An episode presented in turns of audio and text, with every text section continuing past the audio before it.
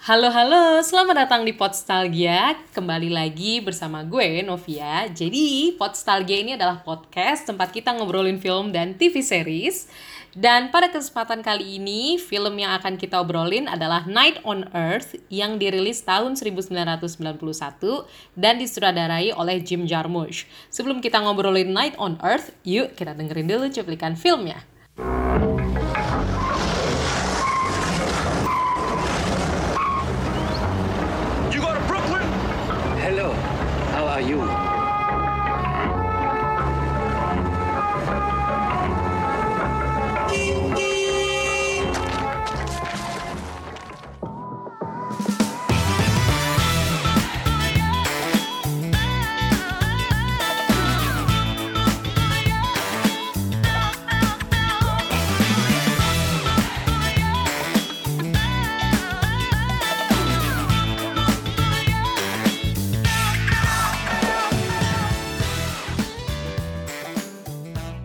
Oke, itu adalah cuplikan film dari Night on Earth. Sekarang gue sudah ditemani oleh seseorang ya yang sangat tenar di Twitter ya.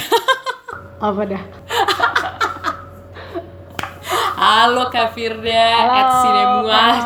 aduh aduh aduh aduh It's an honor ya diundang sama Postalgia itu aduh Justru an honor buat aku. Jadi ini sebenarnya eh, rekaman kedua ya.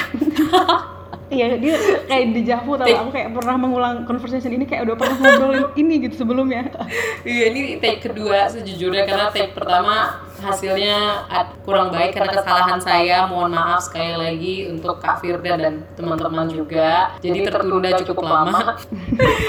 Kak Fir apa apa kabar? baik baik alhamdulillah baik puasa gimana Selamat tuh Kok, no? Puasa ah, puasa gimana? aduh alhamdulillah lancar cuman sekarang lagi nggak puasa udah bolong dua Hmm. Oh, biasa lah ya cewek iya kan. betul Pokoknya tetap nonton film ya. oh jelas dong itu jelas banget itu kegiatan sehari-hari udah template sehari-hari Panutan banget sih kalau untuk nonton film sih. Kayak aku kalau ngeliat Kak Fir nge-tweet gitu kayak oh my god, ih jadi pengen nonton juga gitu. Gitu ya. Iya, kayak salah satunya ini kan film pilihan Kak Fir, Mm-mm, Night, betul, on, Night betul. on Earth ini Mm, kan, mm-mm. bikin aku juga jadi tertarik dan cukup suka filmnya. Nah, mau tanya sih, kenapa sih Kak Fir pilih film Night on Earth ini? Iya mungkin gimana ya? Aku sih suka banget sama film ini. Mungkin kalau ditanya kenapa suka, aku ngerasa film ini tuh Hmm. kayak eh, deket aja gitu sama aku. Kayak kita semua pasti punya kan satu film atau mungkin lebih eh, yang gimana relate gitu kan sama kita yang Hmm. merasa itu personal gitu kan. Sampai kita tuh ngerasa terwakilkan gitu kayak ngerasa kita wah ini gue banget nih gitu. Kayak mungkin dari karakternya atau mungkin dari jalan ceritanya itu kayak kita ngerasa terwakilkan. Mungkin kalau Night on Earth sendiri nih buat aku nggak yang personal yang gimana gimana cuman eh, aku suka aja sama cerita yang disampaikan di sini gitu. Dan cara penyampaiannya pun tuh nyampe banget gitu ke aku. Itu sih sebenarnya kurang lebihnya ya garis besarnya. Hmm. Tapi yang kalau menurut Kak Fir apa sih yang menjadi charm spesial dari Night on Earth ini? Maksudnya sampai jadi suka gitu? Apa karena Hmm. ini filmnya terdiri dari lima kota yang berbeda, Mm-mm. terus lima cerita Iya, yang iya, berbeda lima juga gitu? Heeh. Jadi ya mungkin buat teman-teman yang belum nonton itu sebenarnya ini kan eh, Night on Earth ini ceritanya antologi gitu ya. Jadi ada lima cerita gitu, Eh, lima cerita di tempat yang berbeda. Cuman sebenarnya eh, apa ya eh, temanya tuh sama tentang supir taksi dengan penumpangnya kayak gitu. Cuman ada di lima kota yang berbeda. Cuman terjadinya di satu malam yang sama kayak gitu kan. Mungkin aku ngerasa ini tuh kayak aku banget sih soalnya aku tuh suka banget sama film-film yang dialog driven kayak gini ya dan aku pun di kehidupan sehari-hari tuh suka banget dengerin cerita orang gitu kayak suka banget dengerin orang ngomong Hmm. gitu jadi kayak ngerasa selalu ada ketertarikan sendiri dengerin orang-orang cerita gitu kan kayak hmm, hidup tuh nggak cuma di cerita kita aja ternyata ada cerita yang lebih lebih lebih yang lain lagi gitu kayak gitu. terus di sini tuh juga banyak sih yang dibahas di di kehidupan sehari-hari jadi di kehidupan kita lah kehidupan sekitar gitu makanya kenapa aku bilang tadi ini deket banget sebenarnya sama kita gitu mungkin buat teman-teman yang udah nonton sih beberapa juga gitu. Dan mungkin karena ini juga on the road gitu kali ya, jalan-jalan Ah, kali ya. iya benar benar kalau Kanov sendiri mungkin melihat menariknya di mana nih film ini nih Kalau aku kurang lebih jujur mirip-mirip sih sama Kak Fir, apalagi ini latarnya di tempat yang berbeda kan. Ada Los Angeles ada Paris New ada. New York ya kan Roma bahkan sampai di Finlandia di Helsinki jadi kan eh, konteks sosialnya juga beda Ah, terus betul. konteks budayanya juga beda kan kayak misalkan yang Los Angeles tuh kalau menurut aku ceritanya Los Angeles banget karena ada kaitannya sama casting aktris Oke, iya. Kamu suka suka yang pertama ya, Kak Novi berarti? Aku yang pertama suka, yang New York juga suka, Paris juga suka sih. Sebenarnya tiga pertama sih. Tiga kalau aku. pertama ya. uh, uh. Ah, Nah, kalau Kafir? Kalau aku yang pertama pasti juga yang per- eh, yang si Corky sama si casting agent tuh si Ibu, Ibu Victoria yang di LA itu karena dialognya sepanjang itu sepanjang segmen itu tuh on point banget sih. Kayak semua orang pasti pernah merasakan obrolan itu ya terutama cewek-cewek gitu kan.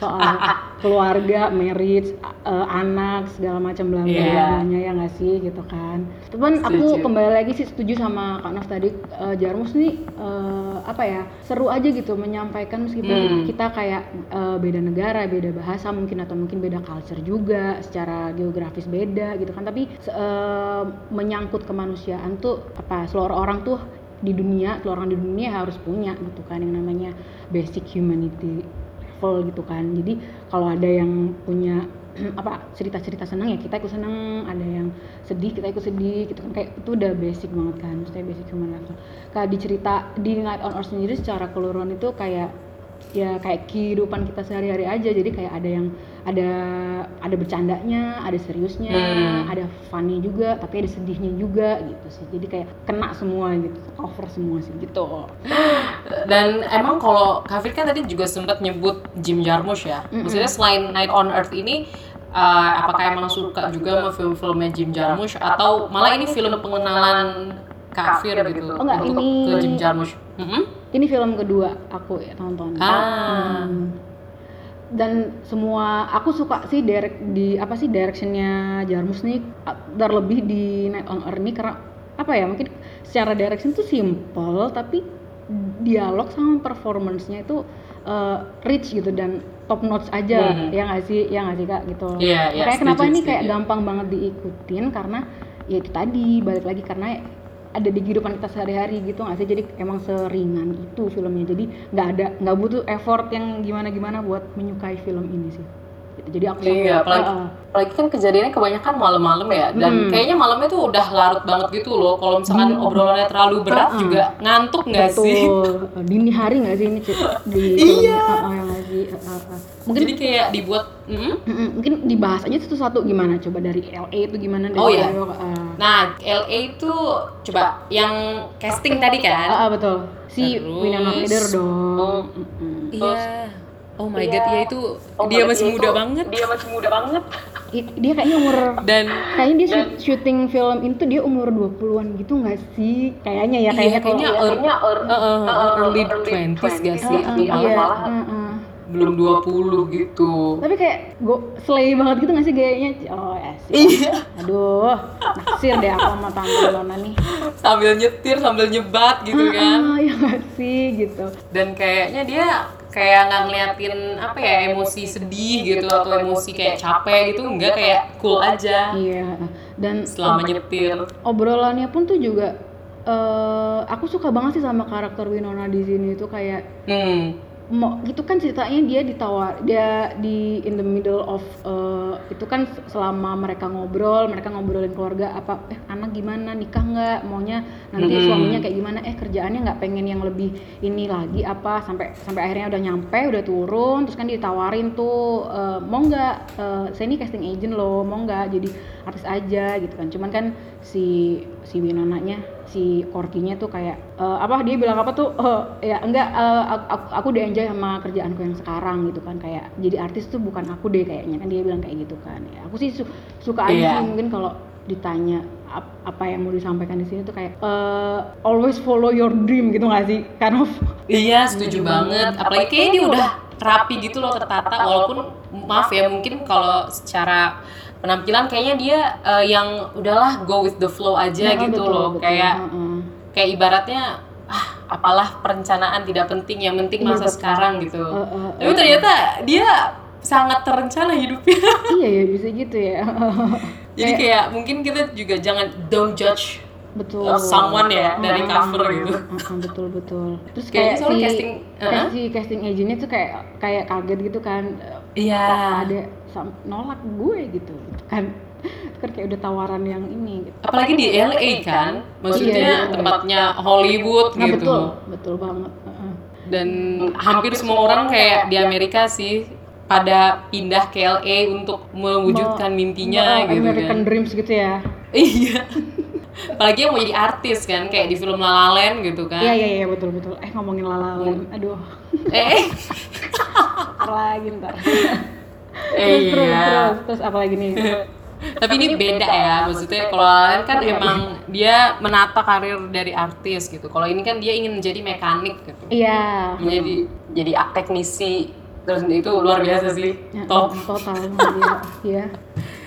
terus yang Nah, itu kedua yang kedua New tuh York. ya di New York segmen New York itu yang mana sih yang siapa Helmut ya eh siapa Helmut ya sih? aku agak Helmut yang imigran dari mm, Jerman Timur kan. Oh iya iya iya benar ini kan dari Jerman Timur. Itu aku sebenarnya agak nggak paham juga. Maksudnya aku sih menilai di segmen yang ini tuh kayak eh, kayak tadi si segmen pertama kita dikasih yang serius-serius nih kan obrolannya. Di, di segmen yang kedua tuh kita dikasih kayak yang bercanda-bercandanya gitu kan. Karena emang ini kan ada dua ya dua penumpang si si Yoyonya si Yoyo sama si cewek si ceweknya tuh si saudaranya Si itu. saudaranya, Mm-mm, iya. nah, itu yang yang mereka berdua itu familial secara familial tuh tidak akur gitu lah ya bisa dibilang gitu kan Iya. Iya. Dan, yang uniknya kan di awal-awal si Yoyo itu kan susah banget dapet taksi kan. Susah banget dapet taksi kan? oh iya bener bener bener itu kenapa sih itu karena karena dia ini ya Kayaknya sih Kayaknya kemungkinan sih besar gara-gara prejudis orang-orang sih. Gara-gara prejudis orang-orang Karena sih. oh iya iya Yoyo kan, kan, eh, maksudnya nggak bisa bohong ya, maksudnya mungkin ada tahu prejudis kalau misalkan misalkan yang yang Iya, iya.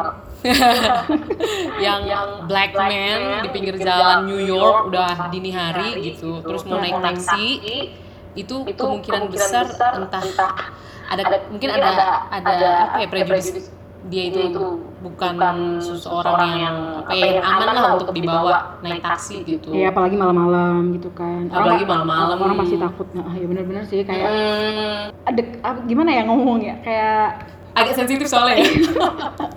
ya you know lah Iya, soalnya masalah rasisme lumayan kental ya. Mm, betul Mm, mm. Mm-mm. cuman Dan pas yang ngam- Mm, mm. Mm-mm. Cuman pas tahu ada si Helmut taksinya si Helmut datang, ternyata si Helmutnya sendiri juga eh, nggak terlalu memahami apa soal kendaraan, soal nyetir dan soal rutenya gitu kan. Sampai Iya, ya kan? iya. Tapi di sisi lain dia juga nggak paham soal, dia juga kayaknya nggak peduli soal apa namanya prejudis juga. Iya betul. Untungnya sih. Iya, iya itu. ah. Jadi Yoyo bisa diangkut sama Helmut ya, walaupun mobilnya apa mogok-mogok gitu sampai akhirnya Yoyo yang nyetir kan. Mm, mm. Terus dia cerita juga nggak sih soal yang dia nunjukin foto anaknya atau siapanya tuh? Iya nggak sih? Yang kalau ini aku justru ingatnya dia nggak punya keluarga nggak Oh, sih oh si iya, iya, iya betul sekali dia kayak sendiri sebatang kara gitu ya nggak sih? Ah betul betul. Oh, oh, tapi dia cerita kalau dulu dia badut. Oh iya, aduh iya aku lupa. Ya Allah, ini udah lama. Gak apa-apa Iya, kan betul, kita betul. nostalgia pelan-pelan gitu ya. Kadang kan memang inget rasa gitu, tapi kayak kita lupa apa sih yang bikin rasa itu muncul, Cek. ya jadi dulu si Helmut itu badut di negara Heeh. mana ya sih? Terus dia pindah, Iya. terus dia pindah ke New York. Mm-mm. Dan abis itu dia jadi super taksi. Heeh, Dan eh, kayaknya itu udah parah banget deh kondisi negaranya pas itu sampai dia harus bener-bener pindah ke negara lain karena kan dia sebenarnya tidak ada keluarga kan dia dia bilang kan Iya. jadi udah nggak punya keluarga dan mungkin kondisi di Jerman Timur pada saat itu mungkin sangat berat jadi dia kayak harus pindah ke negara lain yang mungkin bisa kasih harapan gitu Iya. jadi kerja apa aja ya udahlah oke yang penting dia bisa dapat uang buat makan Hmm, dan aku suka suka sama karakternya si Yoyo gitu tiap kali Yoyo denger what's, what's your name? Helmut, Helmut kayak dia Nah Helmut tuh nama apa? kayak dia terkesan lucu gitu ya, Iya, iya. Helmut. Kalau namanya Helmut. Terus si karena Angel- mungkin belum kayak lagi ada helmet ka- gak sih Iya. belum lagi ada karakter tambahan si Angela si Angelanya Oh, itu iya. yang waktu naik dan berantem terus di dalam mobil m- mengumpat saling mengumpat gitu kan terus kayak rame Iya, banget iya, nggak iya. sih? terus Itu lucu banget sih pas mereka marah-marah di dalam. Tapi namanya saudara kan ya. Iya betul betul Kadang tuh kalau di satu tempat kayaknya pengen ngomel mulu gitu.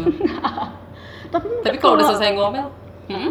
aku nggak tahu ya mungkin kalau di eh, lingkungan atau di keluarga yang kembali lagi mungkin kayak apa sih oh kamu tahu lah aku mau ngomong apa itu kayak emang temperamen gitu nggak sih kalau ngomong iya nggak sih mungkin lebih gamblang kali ya. oh iya bener-bener Eh, kayak kayak kayak nggak bisa Mereka slow ngomong- aja gitu ngomongnya.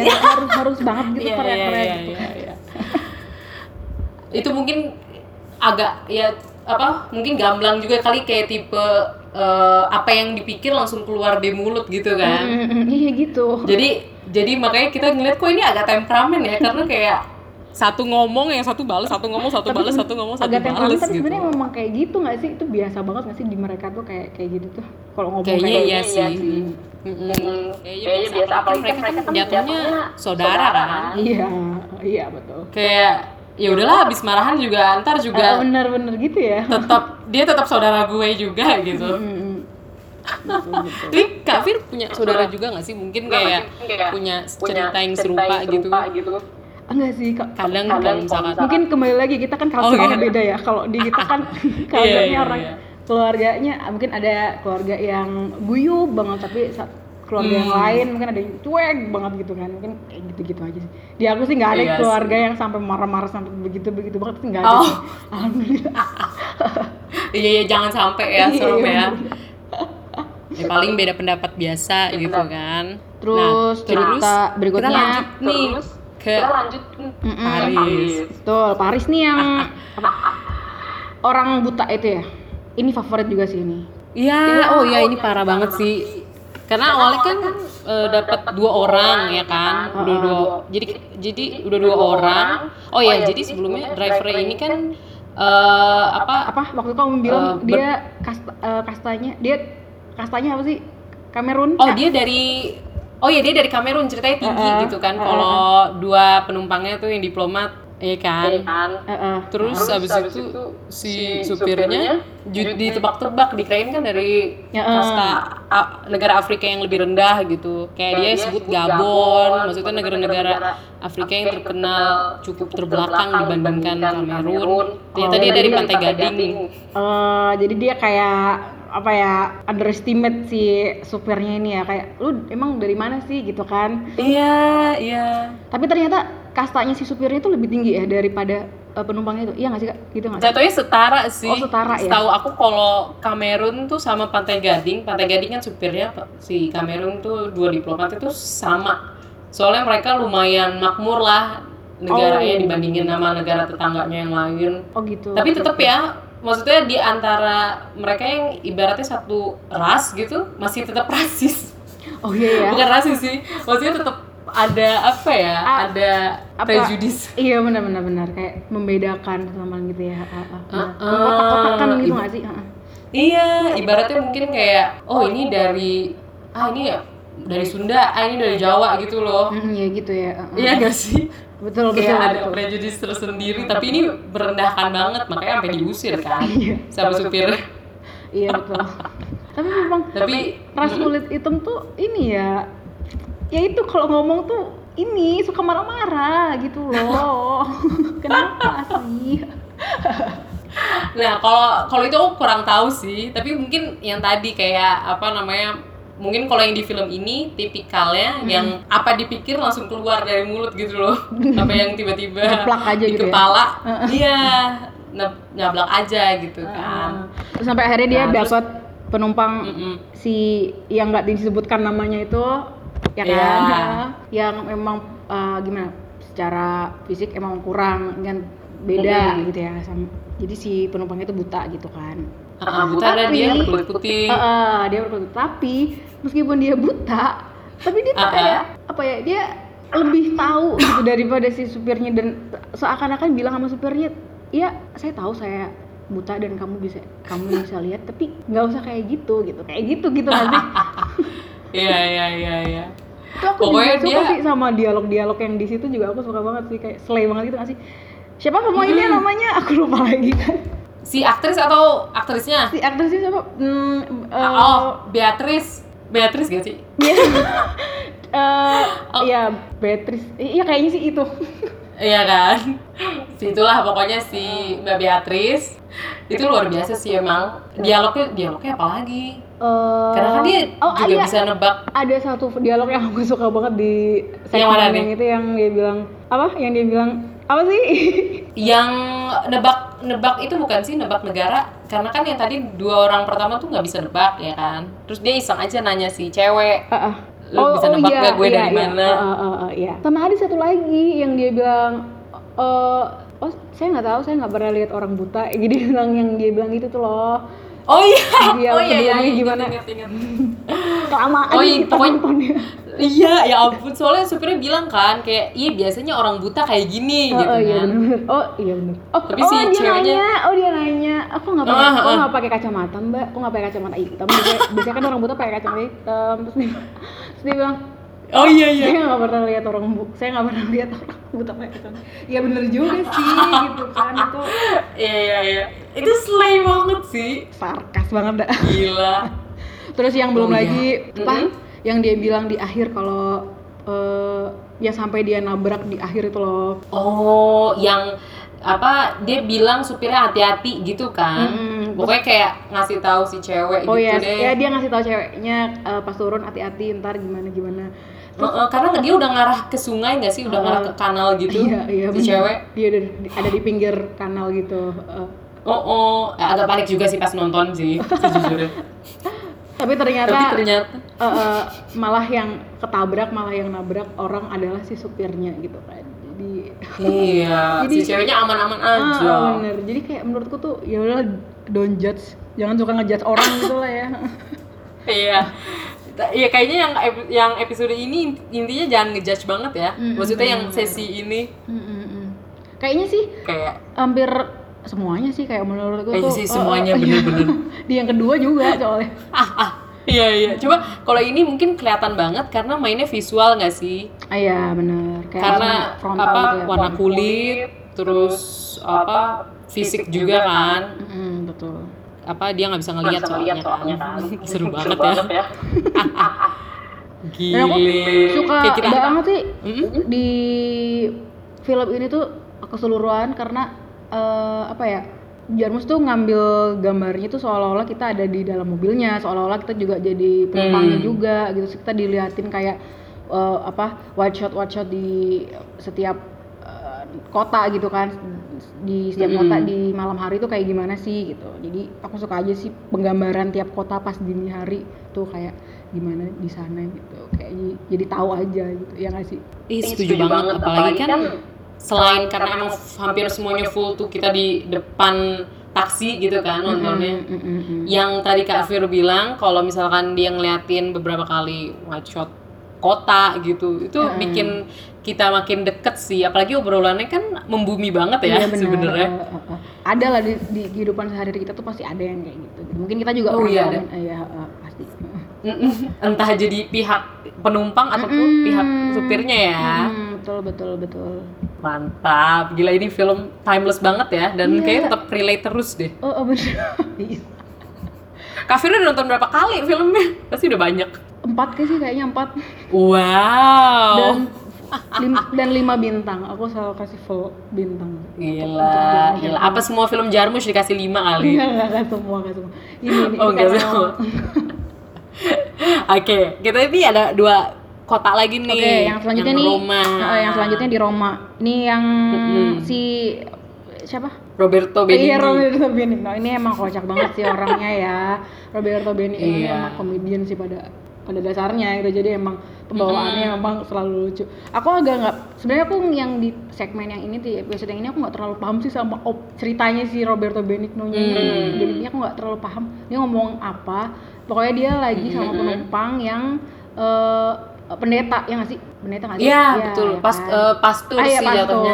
Ah, ah, ah, ah. intinya dia Ya, mirip-mirip. cerita pengakuan dosa gitu lah ya sama si Mm-mm. pastornya gitu cuman dia ceritanya kayak nyelocos aja gitu kan nggak ada berhenti Iya. gitu sampai ini aku nggak tahu emang si si pastornya emang punya riwayat sakit atau gimana kenapa tiba-tiba dia langsung kayak orang sekarat gitu di dalam mobilnya ya nggak sih kak terus pas sudah kelar dia meninggal dong ya kan Mm-mm, iya. Dan tapi kayaknya itu juga salah satu faktornya karena diceritain cerita yang cukup mengejutkan sih kayaknya. iya iya Aku pas nonton eh, apa sejujurnya pas itu nggak pakai subtitle jadi agak ngeraba-raba juga kan. Ah. Tapi kayak akhirnya kan aku ya udah coba coba lihat lagi pakai subtitle.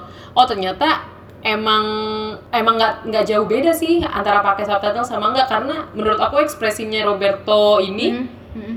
itu udah es- ekspresif banget maksudnya udah Iya. kayak menjelaskan beberapa hal apalagi kan beberapa kata tuh kayak familiar kan sama bahasa Inggris apalagi term-term yang seksual Ah, Iya dia kayaknya memang menceritakan eh, sex life-nya dia gitu ya mungkin ya. Ya nggak sih kayak lebih kayak Iya. private gitu kan ceritanya ke pastor lagi gitu. Oh.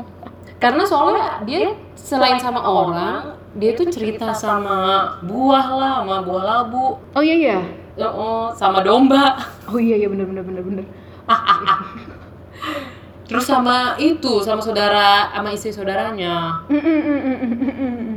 Makanya mungkin shock kali ya pasturnya Iya betul. Tap- Aku agak gantungnya sih mungkin kalau yang di segmen yang ini tuh Hmm. tahu-tahu pas si oh, si siapa namanya? Si Gino. Si Ginonya ini tahu kalau si pendek pasturnya ini udah meninggal. Setelah dia dia bingung. Dia kayak langsung berhenti. Terus dia kayak narok eh terus dia kayak ngeluarin si pasturnya. Udah gitu kayak terus gimana dong? Ditaruh di kayak di bangku. Terus ditinggal. Iya. oh ya kan? Terus kayak lah terus ntar pasturnya gimana dong?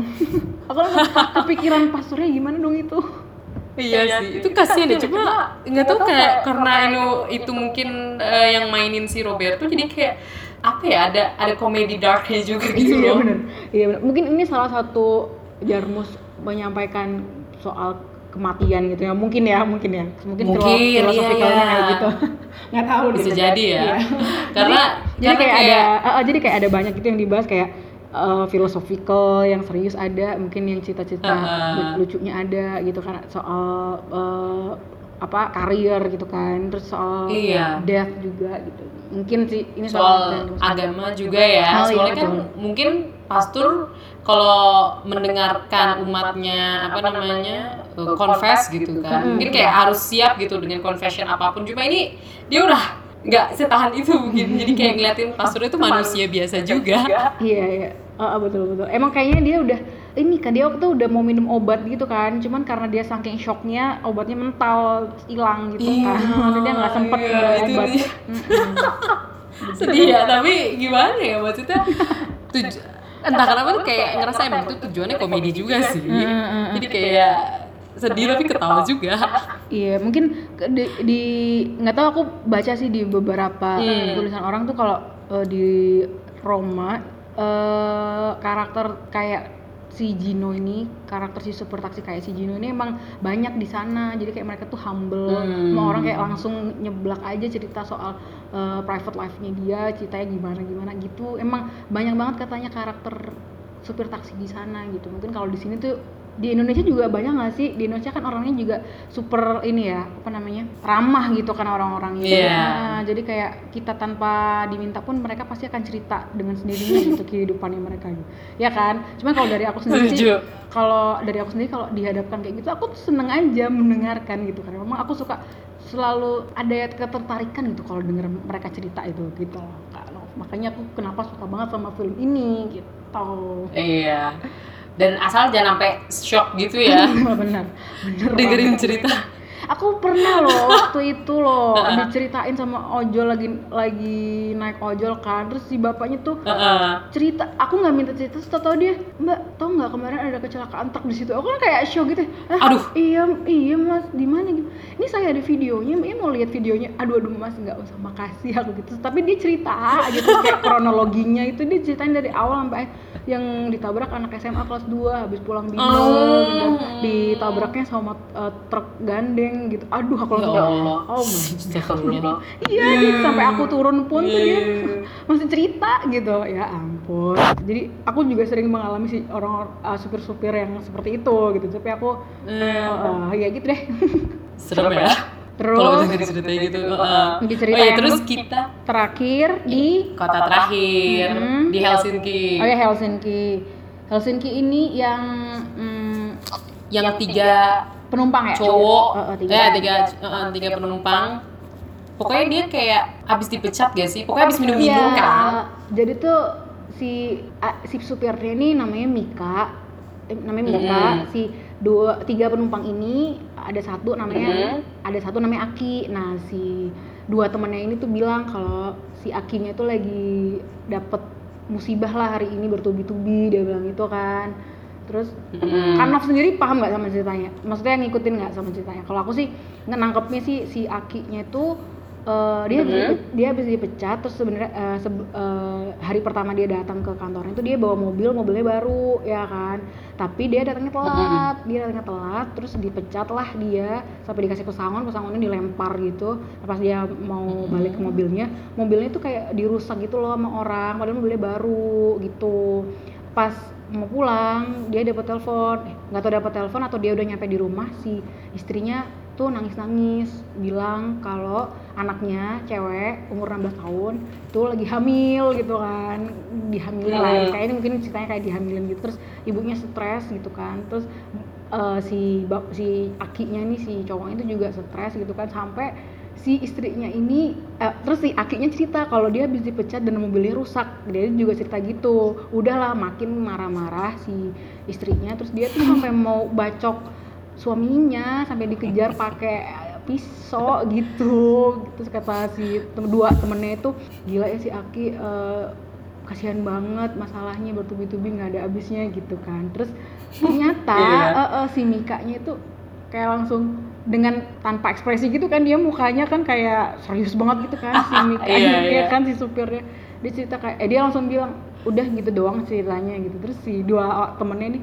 ah gitu doang gimana? Itu kan udah berat banget menurut mereka udah berat gitu. Terus ternyata si Mika tuh punya cerita yang lebih menyedihkan gitu kan. Ternyata si Mika itu sama istrinya sedang nungguin eh, anak gitu kayak expect eh, bayi gitu kan. Sampai bertahun-tahun gitu tuh dua-duanya kerja keras gitu kan.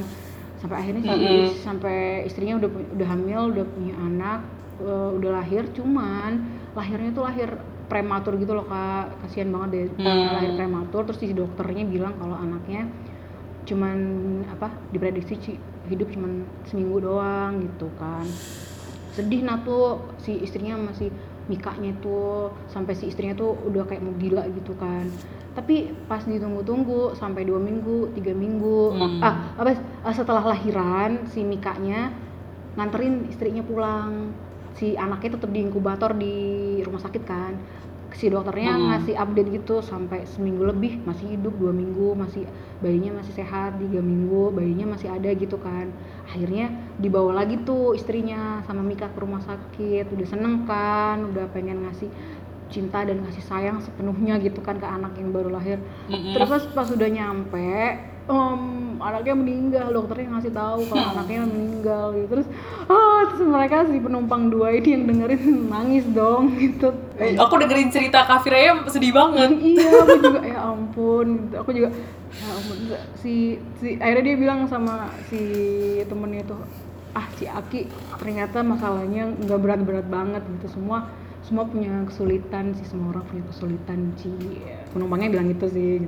Aku langsung kayak "Ah, bener juga sih men. Ya itu sih kayak reminiscing lagi gitu nggak sih? Kalau itu terjadi kamu pas kamu jadi penumpang gitu lagi Iya. langsung kayak hmm, masalah kita tuh kadang kita rasa udah paling berat tapi ternyata pas denger yang lain ada yang lebih lebih berat gitu kan.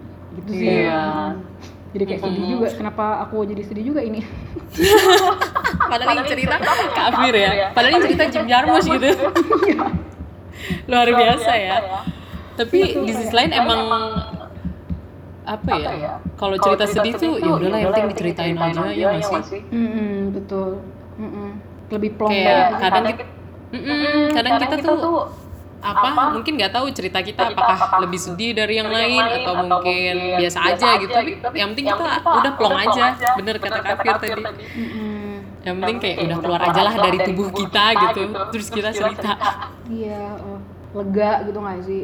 Iya iya banget. dan mungkin si supir taksinya nggak tahu ya sedatar itu apakah emang tipikalnya dia datar atau dia udah ya udahlah udah terjadi juga gitu. Mm-mm, dia tipe kalau yang ya udahlah gitu. Cuman dia sedih dia dia bilang kalau dia sedih anaknya meninggal dia bilang sampai si penumpangnya "Eh, sabar ya bro gitu kamu bisa bikin lagi kok gitu. Dia bilang kayak gitu. Iya, aduh sedih banget. Tapi kalau inget tokoh eh, apa Mika sama tiga bapak-bapak mabuk itu yang di belakang tuh sebenarnya lucu, lucu sih. iya uh, uh, iya. Dia tuh mabuknya Soalnya karena kan- ya dia dapat hari-hari yang berat gitu kan. Si akinya tuh mabuk-mabuk kan jadinya karena dia stres banget tuh Iya. udah dipecat udah mobilnya rusak udah anaknya hamil istrinya udah mau bunuh dia gitu kan kayak lengkap udah kayak dia mabuk-mabukan tuh bertiga sama dua temennya itu gitu sih ceritanya Iya. Nah, parah. Dan apa ya? Maksudnya mereka kan kalau kita ngomongin visual lagi, kan gimana ya? Soalnya kita nggak bisa menghindari juga kan prejudis selama nonton. Kayak dan menurut aku juga sengaja juga sih si Jim Jarmusch ini mainin prejudis orang. iya benar dari benar visual kayak visualnya gimana tapi kok beda gitu loh sama stereotip visualnya. Mm, mm, mm. iya dan iya. ini terjadi juga sama di kota Helsinki karena kan semua tokoh cowoknya tuh kelihatannya yang kayak maskulin banget yang kuat gitu Iya, loh. yang kayaknya nggak fragile ya kan? Tapi ternyata ceritanya sedih banget Iya, jadi aku tuh mm, menangkap menariknya tuh karena ya itu tadi. Mungkin si Jarmus tuh me- mencoba menyampaikan gitu kayak kamu tuh jadi manusia ya don't be a jerk gitu ya kayak berbuat Mm-mm. nggak usah apa ya ngerendahin nggak usah nyakitin gitu nggak sih? Ya itu tadi mungkin kembali Iya. temanya mungkin karena ke humanisme juga mungkin. Iya sih? aduh luar biasa sekali. luar biasa banget nggak sih filmnya? Mungkin teman-teman yang nonton hmm, aku rekomendasikan ini banget deh pokoknya. Harus sih. Mm, betul harus dan aku seneng banget sih Kafir ngerekomendasiin dan maksudnya pilih film ini buat diobrolin. Iya iya. Tadinya aku Makasih mau, tadinya aku eh, karena kita ngobrolin yang kamu suka aja gitu kan. Waktu itu aku lihat kamu ngasih lima bintang ke apa tuh? Ke, ke film Perancis yang itu yang para pelui de Cherbourg. Iya. Surem Apa? itu Cherbourg ya itu. Iya sih. Itu justru kelihatannya uh, colorful gitu ya Iya, bener. cantik warnanya. Nyanyi, tapi ini sebenarnya iya, kebalikan Aku- dari aku film juga ini. suka aku juga suka film itu makanya "Kak, kita ngobrolin itu aja kak gitu. Terus, eh, aku pikir karena kamu belum nonton Night on Earth ya udah aku rekomendasi Night on Earth aja karena salah satu favoritku. Terus kamu juga open juga mau oh, oke boleh boleh ya udah nonton ini gitu. Ih, justru aku seneng banget sih. Thank you banget loh Kafir sekali lagi. nggak terasa udah 40 menit kita Oh, iya, ngobrolin Iya, Night bener. on Earth ini. Betul. Luar Iya, biasa. Aku seneng loh mungkin ngobrol ada aku juga seneng banget thank you Kafir walaupun ini take kedua ya kamu. iya Allah iya Aduh, ya ampun. Tapi semoga ini tidak terjadi lagi. betul betul semangat terus Oh, oh, tapi selalu ada silver lining ya. Jadinya ngobrol lagi sama Kak Fir. Bener kita habis covid harus ketemu dong ya berarti kak ya Oh iya, harus ini pertanda ya. Dan mungkin any last words gitu buat pendengar Podstalgia, mungkin Kak Fir eh, apa mau ngasih sesuatu rekomendasi soal Night on Earth ini tambahan mungkin? Eh, nggak ada sih aku cuman Hmm. mau teman-teman eh, mencoba buat nonton ini gitu kan nanti kalau Hmm. misal eh, suka boleh boleh mention boleh DM ngobrol-ngobrol-ngobrol gitu kita bisa kasih tahu aku gimana pendapatnya setelah nonton Night on Earth gitu itu aja sih palingnya Oke, sip. Bis- Berarti bisa langsung dikontak ya di Twitter atau mungkin di follow ya karena Kak Fir kan update banget nih update apa sih nggak ada soal film, maksudnya info film iya iya benar di Twitter. Iya, di mana kan bisa di follow di Iya, eh, eh. aku bisa aku di Twitter ada, di IG ada, Hmm. di Letterbox juga kalau mau cari Wow. username-nya Yus Cinema semua ya. at Cinewatch Iya, ya. betul. Asik. Oke deh, terima kasih banget Kak Fir sekali juga. lagi. Iya, aku juga makasih. Sudah Nof. mm-mm, bersedia sharing-sharing di take 2 lagi kan. Iya, iya benar. Dan pokoknya semoga lancar puasanya Betul, Kanov juga sehat-sehat terus ya. Kak. Ramadan ini. Amin, sehat-sehat juga dan tentunya buat teman-teman nostalgia semoga sehat-sehat selalu dan Semoga keadaan ini segera membaik ya nggak sih? betul, amin, amin. Oke. Dan that was it untuk episode kali ini, episode Night on Earth bersama Kak Sinemua alias Kak Firda ini. Sekali lagi thank you Kak Fir. Hmm, sama-sama Kak Novia. Dan-.